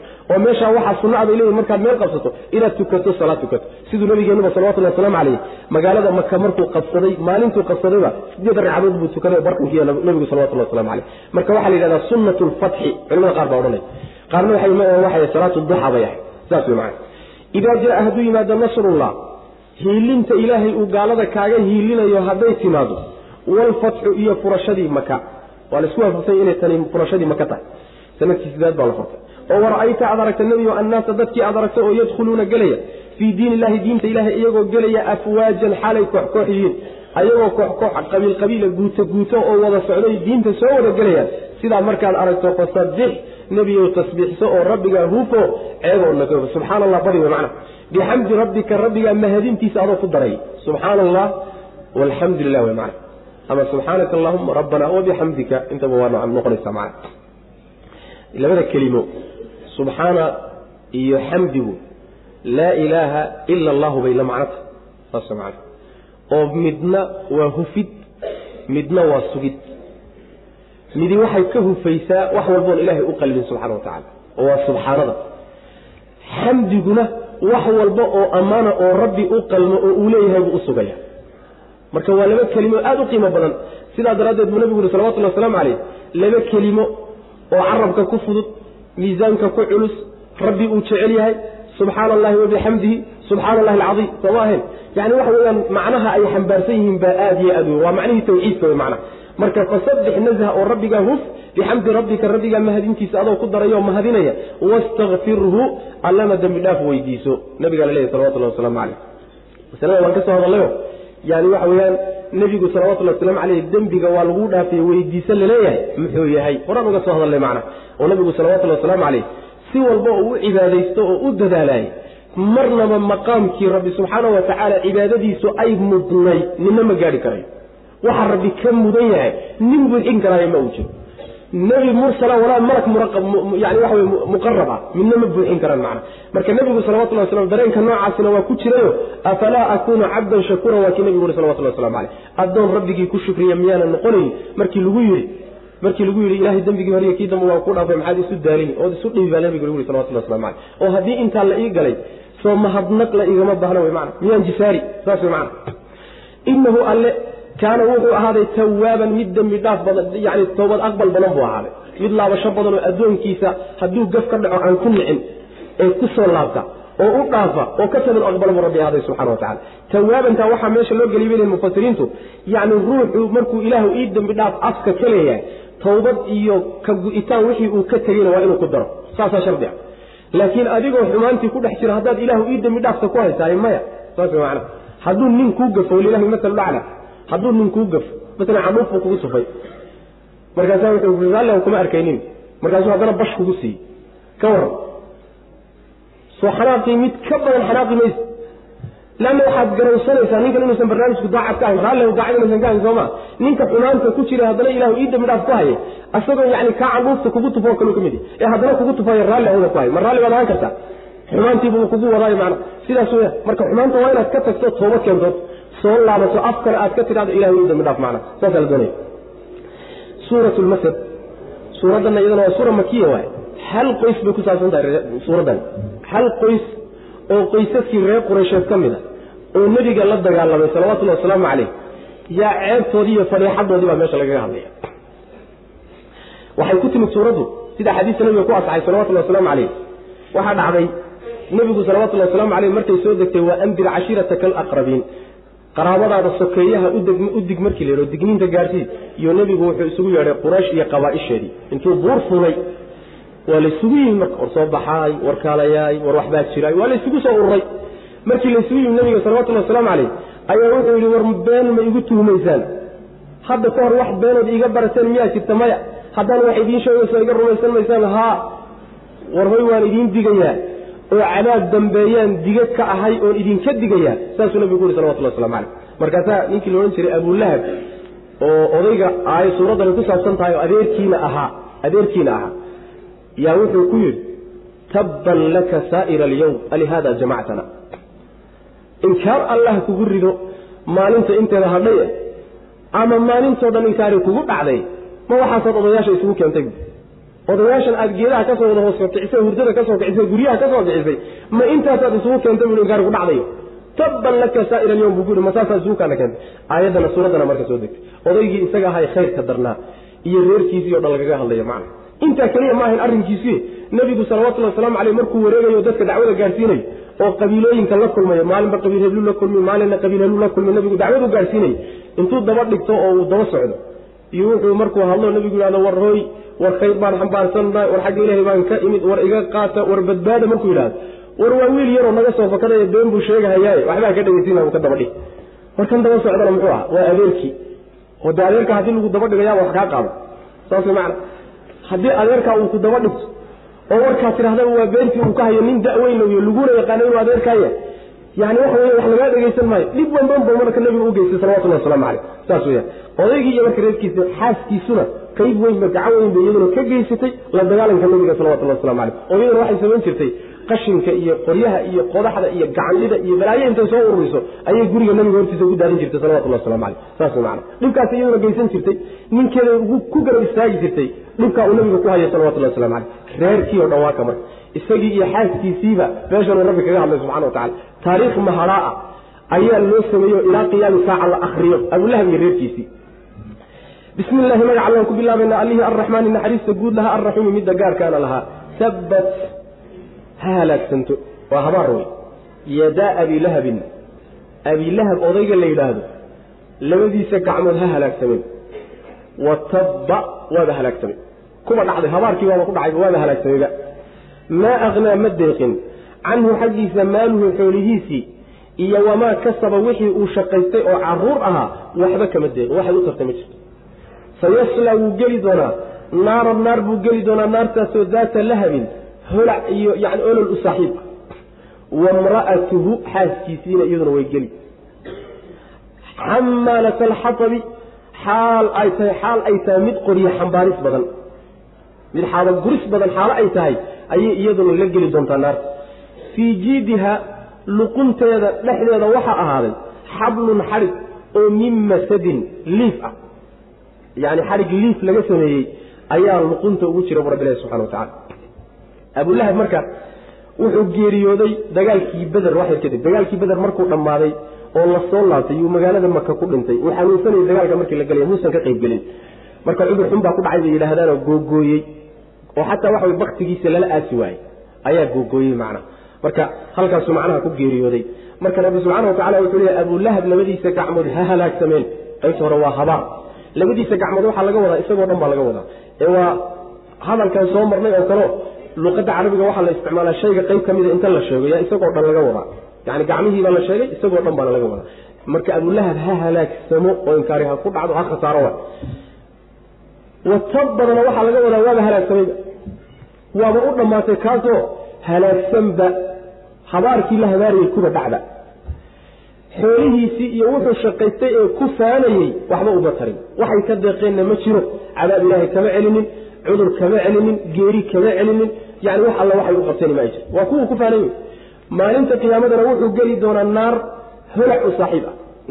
Naar holcaysa oo yani waxa yani aad iyo aada u kulul ayuu maalintaa geli doonaa wy macana xaaskiisiiba iyadoo la geli doonta. Oo siday adduunka markay joogtay nebiga dagaalkiisa iyo dhibkiisa ay ugala qayb qaadan jirtay ayay haddana naarta ugala qayb qaadan wy macana labadii isugu kaalmaysa xumaan naarta cadaabkana waa isugu kaalmay wy maana saas weyaan cadaabkana laabudda waa inay wada galaan wy macana saas marka haweenaydii baa la tilmaama waxay xamaalat alxatabi yani xatabka qoryaha la yidhahda dabka lagu shido. Xamaaladana waxaa la yidhahda waa midda xambaarista badan waay ee qaadidda badan.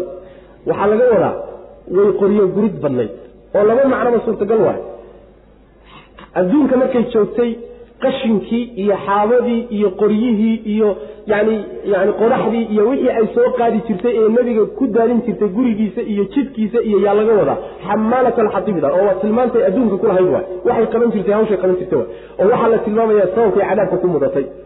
Ama xamaalat alxatabi waxaa kaloo la dhihi karaa aakhare marka la joogo oo aad cadaabka wada galaan ayay siday adduunka xaabada u xambaari jirtay oo nabiga ugu dhibi jirtay. Iyay xaabo cadaabka lagu shido oo ninkeeda ay ugu shido iyaduna ku gubato bay naarta ku xambaari wey macana sidaana waa la yidhahda xamaalatan lianna jazaa min jinsi alcamal. Ninkii macnaha waxa weye xaabo gur ka shaqeeyo oo xaqa kula dagaalamo xaabo uu guro. Maalinta qiyaamada xaabadii uu gurahayey unbuu haddana guriyo. Cadaab looga dhigi wey macana marka cadaabka gudihiisa inay tahay waa suurtagal. Waxaa kaloo loo adeegsadaa xamaalat alxatabida oo iyadana tafsiir saxa ah waxaa laga wadaa dirdiraaga ahayd oo xamaalat alxatab luqadda carabiga waxaa loo isticmaalaa. Fulaanun yaxtubu calaa fulaan bay dhahaan. Hebel hebel buu dushiisa ku xaabaguraya oo waxaa laga wadaa markuu ka shaqeeyo dadka isku dirkiisa iyo warka oo loo kala qaado iyo waa la yidhaahdaa macna. Sidaana waa la dhahaa. oo waxay ka shaqayn jirtay inay reeraha dumiso oy warka u kala qaado oo waxay ahayd sideedaba. Waxay walaal la ahayd abu sufyaan. Abu sufyaan bay walaashi ahayd. Umu jamiil baa la dhihi jiray. Umu jamiil bintu xarbi baa la dhihi jiray. Marka abu sufyaan bay walaashi ahayd naag aad iyo aad loo qiimeeyena way ahayd macnaa nin odagana qabo. Marka yani waxa weye sharafka ay leedahayba waxay kaga faaidaysan jirtay inay nabiga la dagaalamto salawatullah waslamu caleyh marka ay naarta ku jirto ama markay xaabadaba soo guraysaba fii jiidiha xablun min masad luqunta waxaa ugu jira xadhig masad laga sameeyey masadkaas. Waxaa la yidhahdaa liif baa la dhahaa liifka. Liifka waxaa la yidhahdaa geedaha timirta ah salkooda ama laamahooda bahal cufay cufay ahaan oo kale ah oo sida maalan dunta oo kale ah yaa macnaha waxa wey uu ka samaysan guntu ama laamuhuba ka samaysan waa la garaacaya marka waa la garaacaya yani qoroftan koraa ka daadanaysa waxaa soo baxaysa duntaas dheerdheer baa soo baxaysa sida maydhaxdoo kale ah. Duntaas markaas ayaa la yidhahdaa liifka la yidhahda duntaa xadhigga laga sooho yaa liifka la yidhahda innaga waxaa inoola midoon isticmaalnaa baasha la yidhahdo xaskusha. Xaskusha. Waxaa laga yaba reer magaalku inayna aad u aqoonin. Waa geed macnaha waxa weeyaan baadiyaha ka baxo afka hore wuxuu ku leeyahay mudac oo kaleeto marka waa la soo gooyaa waa la sumaa waa la garaaca waa la garaaca waa la garaaca markaasaa waxaa ka soo baxaya yani dunta oo kaleeto wax lamido adag oo qalafsan baa ka soo baxaya kaasaa marka laysku jabinaya oo la suhaya xarig adagoo marka waxaa ka soo baxaya xanaf leh. Oo markuu gacantaada qabto ama meel ku dhaco yani waxa wey isagoo dhan xoqahayo aada u qalafsan xarig qalafsan wey macana marka taasaa la yidhahdaa masadka la yidhahda waa wixii xarigga laga sameeyey waay macana tabad ha halaagsanto yadaa abii lahabin abii lahab labadiisa gacmood ha halaagsamin wa tabba waabaase halaagsamayba halaagii waa ma deeqin canhu xaggiisa maalhu xoolihiisii iyo wamaa kasaba wuxuu shaqaystay oo carruur iyo waxyaabo kale ah muusan deeqin shay-an waxba kama deeqin wax alla waxay ka deeqeen iyo waxay ka celiyeen iyo waxay u tareen ma jiro sayasla wuu geli doonaa naaran naar buu geli doonaa naartaasoo daata lahabin yani holac iyo olol u saaxiib ah wamra'atuhu xaaskiisiina way geli xamaalata alxatabi xaal ay tahay mid qoryo gurid badan. Ama xaaba xambaaris badan xaalo ay tahay. Oo naarta dhexdeeda xaabada ku xambaari ama adduunkay xaabada xambaari jirto nabiga ku dhibi jirtay salawatullahi waslamu caleyh fii jiidiha luqunteeda dhexeedana waxaa ahaaday xablun xadhig oo naarta iyadoo ku jirtaa xadhiggaa loo gelinaya maxaa yeelay adduunka markay joogtay xadhigga ay qoryaha ku soo guranayso iyay luqunta gashan jirtay macna xadhigga ay luqunta gashan jirtay qoryaha ku soo guranaysana wuxuu ka samaysnaa masadka geedka la yidhahdo macna oo liifkaasuu ka samaysnaa macna fii jiidiha luqunteeda waxaa ahaaday xablun xadhig oo min masadin liif ka samaysanoo xaskul ka samaysan ama geedaha timirtaa guntooda liilankeeda macnaha ka samaysan waay suurat likhlaas suuraddanna marka iyaduna waa suura makiya waaye inay madiniye tahayna culimada qaar baa qaba. Waxay ku timid suuraddani nebiga salawatullhi wasalaamu calayhi baa gaala gaalada u yimaadeen. Waxay ku yidhahdeen yaa maxamed sif lanaa rabbakay ku dheheen maxamedow bal rabbigaa noo tilmaan. Annaga rabbiyadanadu waa la yaqaana waxaan cabno waa la yaqaana mid dhagax buu ka samaysan yahay mid geed buu ka samaysan yahay mid bir buu ka samaysan yahay mid dhoobuu ka samaysan yahay mid timir buu ka samaysan yahay. Bal ilaahyadanada waa wax la yaqaane balkaan adigu caabudo noo tilmaan bale tilmaamihiisa sheeg tilmaamihiisa noo sheeg bale. Suuraddana marka soo degtay suuradda suurat likhlaas waa marka yidhahda waa suurad aad u khayr badan waay. Oo macnaha fadligeedu aad u badan yahay. Wuxuu nabigu ku sheegay salawatullahi wasalaamu calayh in ay thulutu lqur'aan qur'aanka saddex meelood marka loo qaybiya meel ka mida waayo oo macnaha ama xagga fadliga ayay kula mid tahay.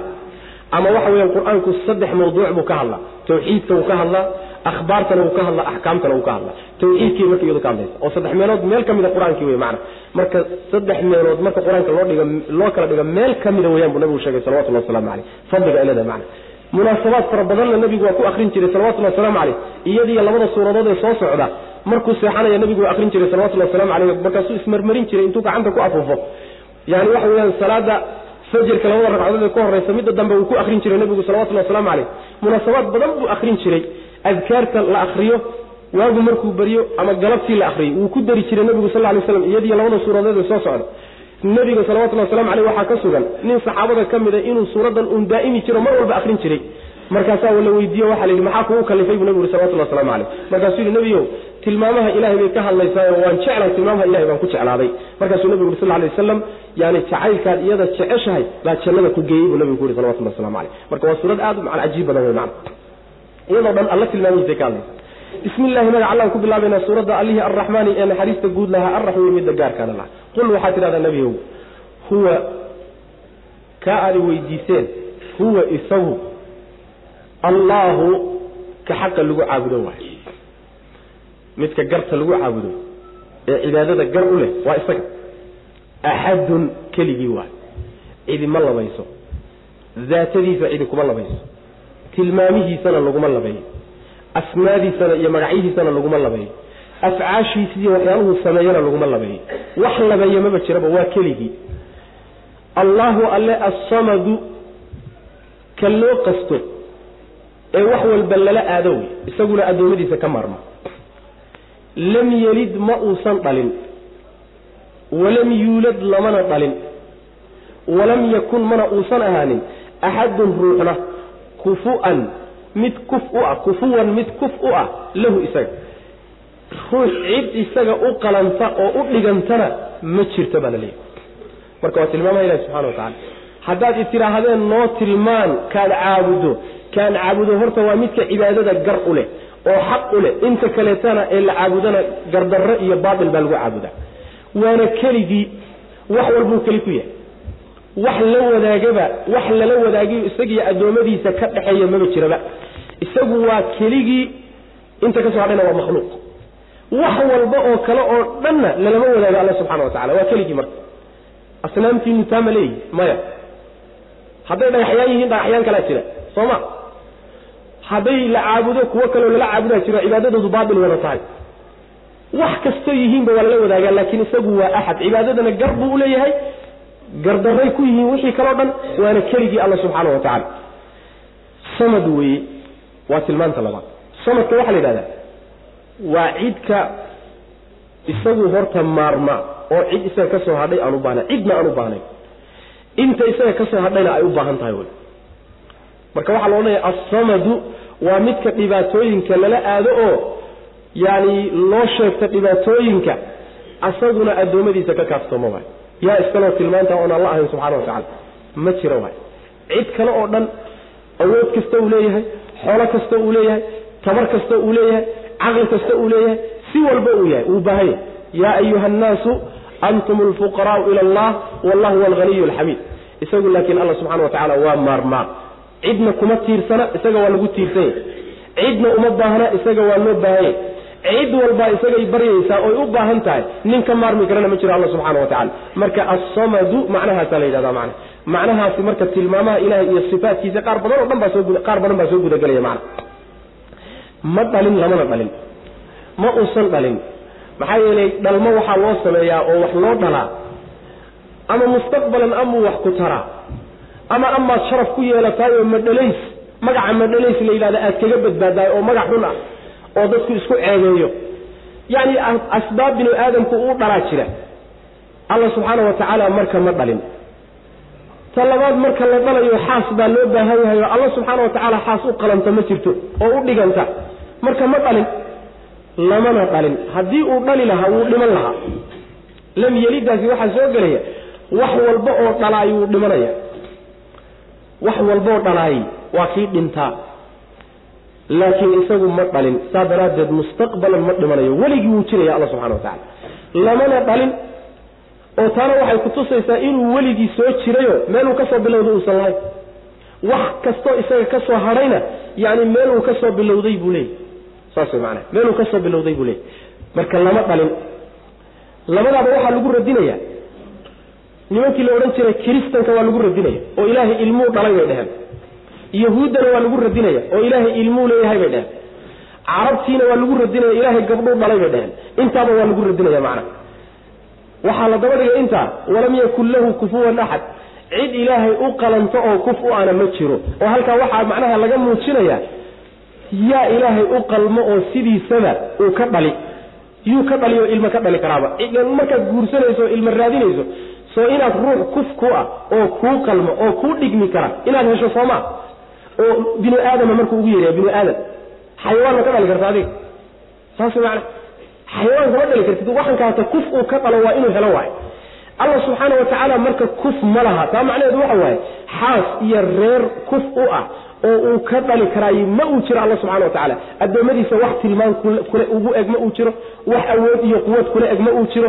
Yani waxa walam lahu saaxibatun yani alla subxana wa tacala waa ka meel kale nagu yidhi xaas ma laha alla subxana wa tacala isagoon xaas lahayn seebaad ilma ugu sheegteen rabbigan subxana wa tacala marka saas weyan walam yakun lahu kufuwan axad inta soo hadhay oo dhan kuf bay wada leeyihi mid walba wax u dhigmo oo u qalmo waa la heli karaa laakiin rabbigan subxana wa tacala wax u dhigmo male wey maa marka allah haddaad doonaysaan tilmaamihiisu wa kuwaawe qul waxaa tidhahda nabigu huwa isagu allahu ka xaqa lagu caabudo wey axadun midka keligii awaay oon la labaynin.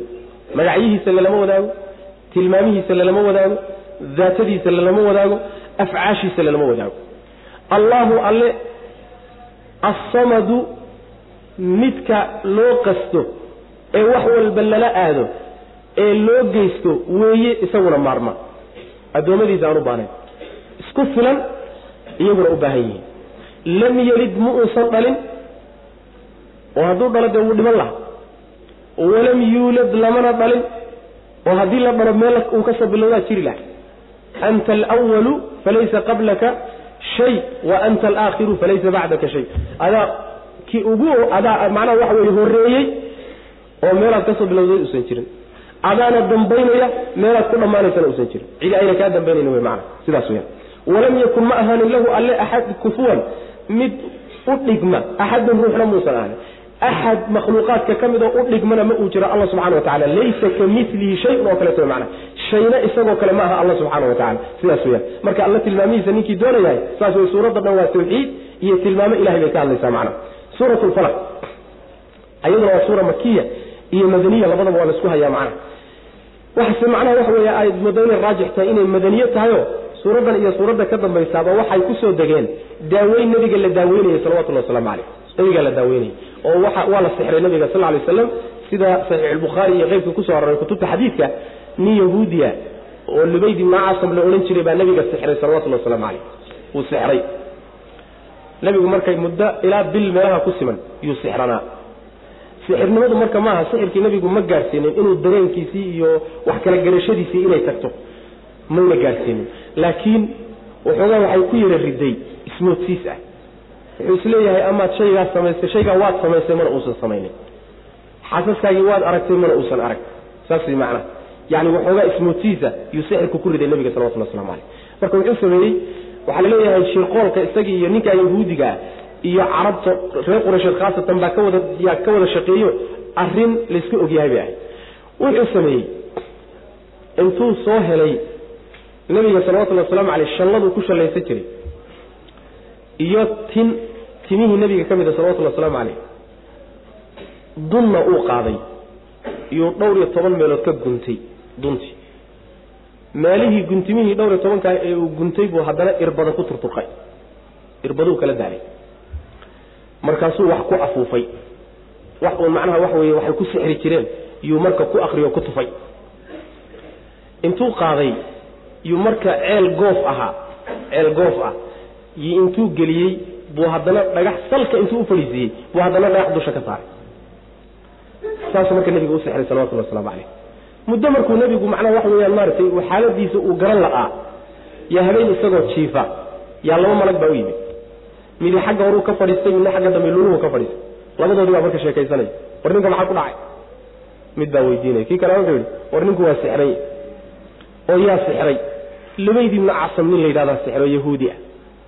Oo muxuu ku sixray wuxuu ku sixray yani shallo iyo tin iyo guntimo iyo waxbuu isku xidhxidhay. Oo wuxuu ku sixray xaggee yaalla ceelka darwaan la yidhaahdo ayuu geliyey oo halkaasuu ku jira. Khalaas intaa intay sheegeen ba iska dhaqaaqay nabigu salawatullhi waslamu aleyh waa soo booday. Caaisha markayba ula joogay bu wuxuu ku yidhi caaishoy ilaahay inuu arrintaydii furdaamiyey. Oo macnaha waxa weeye uu daawadaydii iisoo sheegay oo la ii sheegay ma ogtahay bu caliy bni abi aalib iyo zubayr buu u yeedhay markiiba wuxuu yidhi ceelkaas biyaha ku jiroo dhan horta ha la soo dhammeeyo biyaha laga soo ha laga soo saaro macnaha gudihiisa bahalka ku jira dhagaxa ku jira hoostiisa ka soo bixiya. Waa laga soo bixiyey marka.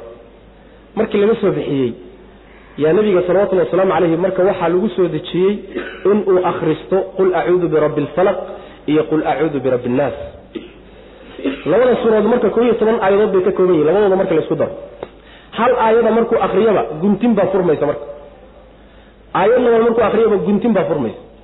Guntimihii markay dhammaadeen nebiga waxaad moodaa salawatullahi wasalaamu caleyh inuu dabranaa oo dabar ku xidhnaa laga fakiyey baad moodaa nabiga salawatullahi waslamu caleyh siduu markiiba caafimaadka u dareemay salawatullahi waslamu caleyh marka aayadahani waa labadan suuradoodba waa lagu xirsi xidhaa oo haddii aad xanuunsataa laysku akriyaa oo habeenkii markaad seexanaysaa laysmarmariyaa oo ruwa dadka seexran iyo dadka jinka qabi iyaa lagu akriyaa sidaas wey macnaa. Iyagoo dhan waa xirsixidh wey macnaa. Sidaa ku xirsixidha baa nabiga la leeyahay salawatullahi waslamu caleyh qul waxaad tidhahdaa nebiyow acuudu waxaan magan gelayaa.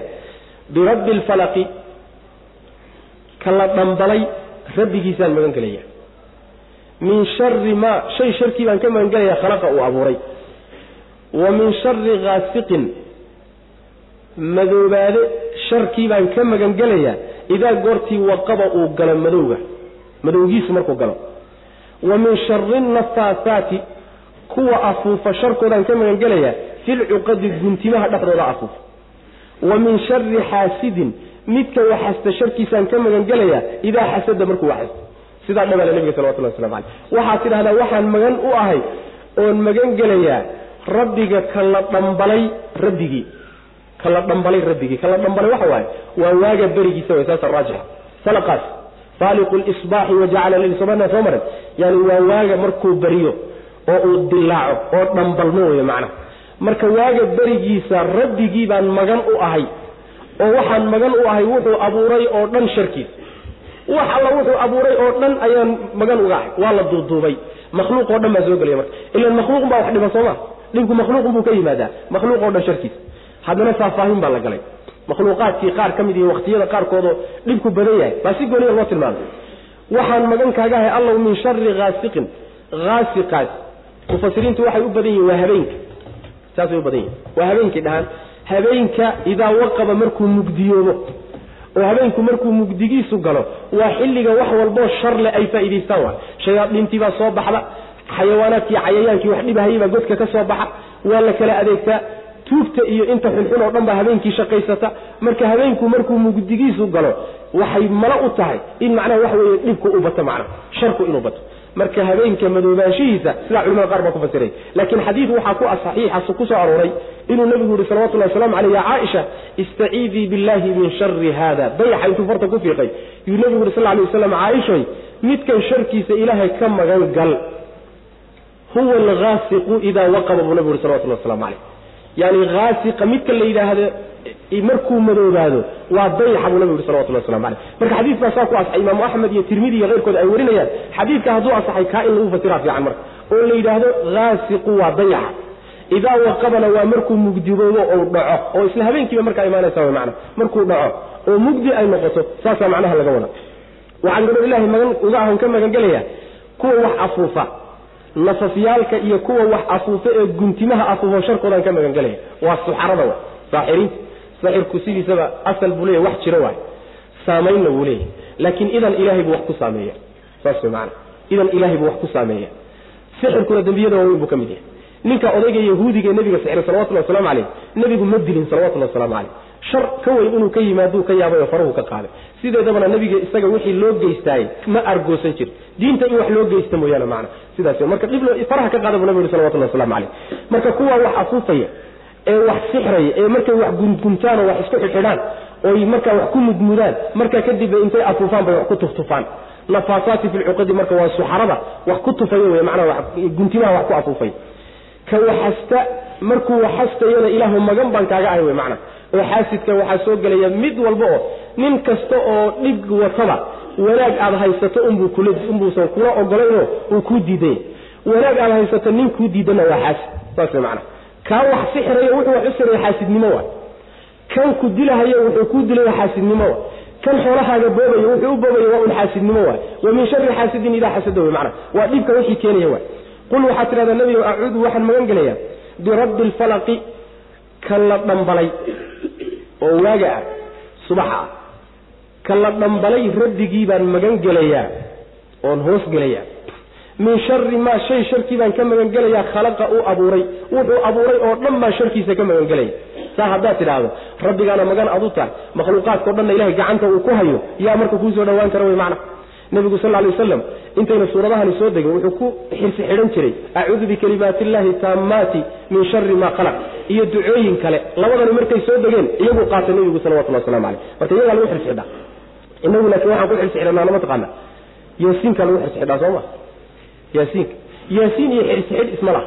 Qur'aan ahaan inaad ku maagaysaan mooye xirsi xidh kuwanaa loogu talagalay kuwanaa lagu xirsi xidhaa macna wa min shari haasiqin dayaxa sharkiisa ayaan ka magan marka saas la yidhaha aw min shari haasiqin ka madow sharkiisa ee mugdiyoobay baan ka magan idaa goortii waqaba mugdigiisa uu galo. Wa min shari nafaasaati kuwa afuufa sharkoodaan ka magan fi lcuqadi yani guntimaha guntimaha ay wax ku sixrayaan kuwa afuufa wax sixra kuwa sharkoodana ilahay magan u ahay. Wa min shari xaasidin midka xaasidkee waxasta hadduu binu aadam yahay hadduu jin yahay hadduu makhluuq kale yahay yaan kaa magan gelayaa sharkiisa idaa goortii xasada uu xasto. Markuu xasdayo xasad uu maagan yahay wey macna. Intaasoo dhan ba allow magan baan kaaga ahay wey macna.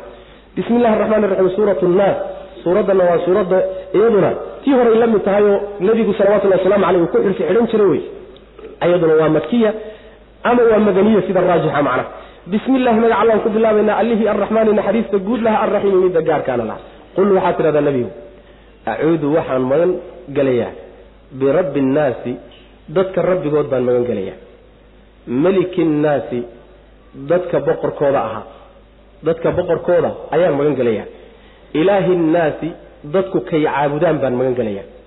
Min shari lwaswaasi midka wax waswaasiya sharkiisa ayaan ka magan gelayaa. Alkhannaasi ee libdhidda badan gabashada badan ama libidhka badan. Alladii midkaasoo yuwaswisu waswaasiya fii suduuri innaasi dadka laabahooda dhexdooda la waswaasiya oo min aljinnati jin ah waannaasi iyo dad ah. Jin iyo dad isugu jira.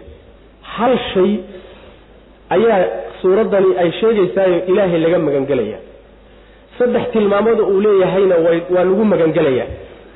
Tilmaanta koowaad waa rububiyada. Dadkoo dhan buu rabbi u yahay isagaa abuuro isagaa maamulo gacanta ku hay tilmaanta labaadna waa tilmaanta macnaha waxa weeye milkigo. Rabbi subxaana wa tacaala isagaa gacantiisa uu ku jiraa wax walba oo dadku ay ka mid yihiin. Tilmaanta saddexaadna waa ka cibaadada xaq uno. Cid kaloo la caabudo ayna jirin. Cid kaloo cibaado la siiyana ay baatil tahay macna.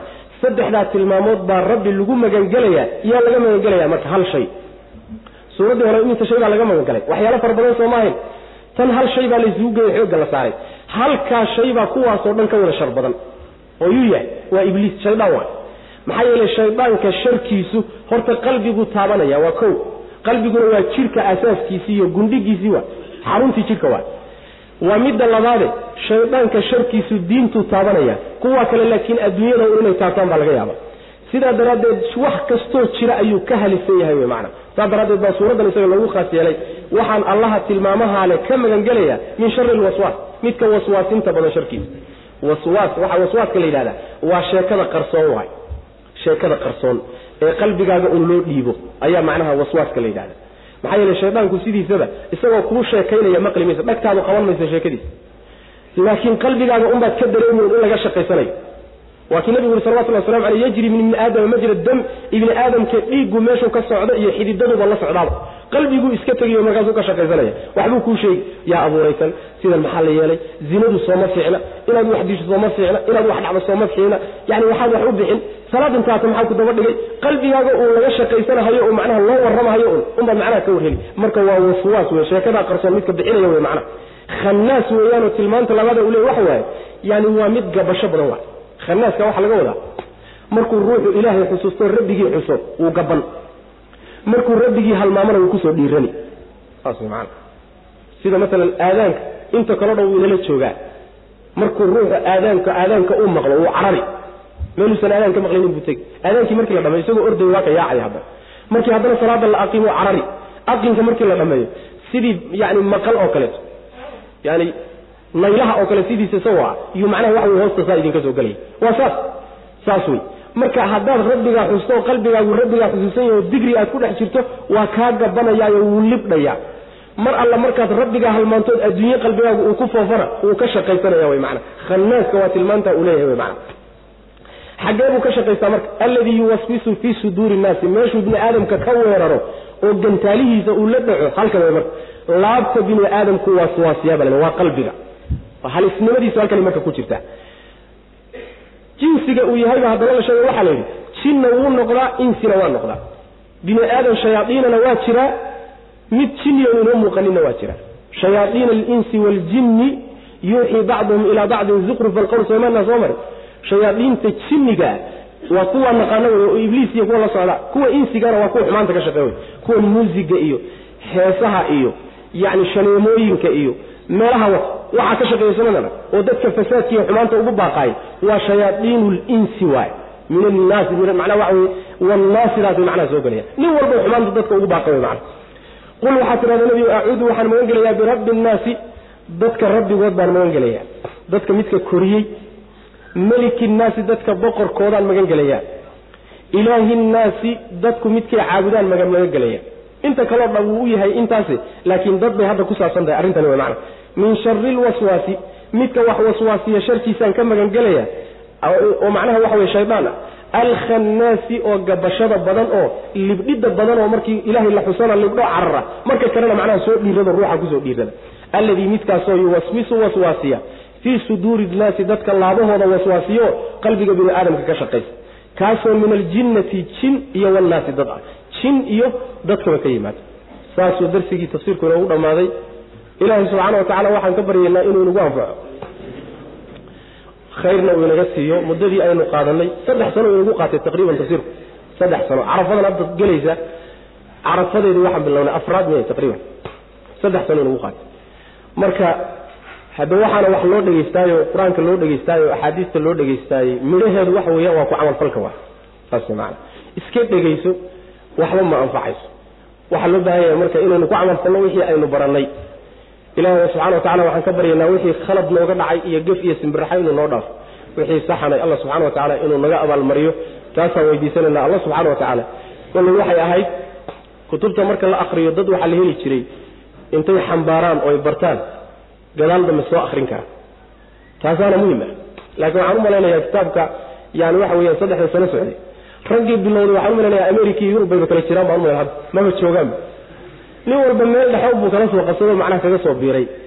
Ha ahaatee dadku waxay u badan yihiin dadka cilmi dhagoodka ka faa'idaystay saasay u badan yihiin laakiin nin intuu kitaabkii soo raacan jiray si fiican u soo daalacan jiray hadda soo celin kara ku soo celin karaya waa yaryahaan u malaynaya marka booska hadda waxaan u banaynaya raggii kitaabka xambaaray baan jeclay insha allahu tacala inay bilaabaan. Hadda wixii ka dambeeya insha allahu tacaala allah subxaanahu wa tacaala waktigaynu ku qaadanay miisaanka xasanaadka inoo geliyo wixii gafana allah noo dhaafo subxana wa tacala hada wabillahi tawfiiq wsala allahuma waslama cala nabiyina muxamedin wcala alihi wasaxbi waslem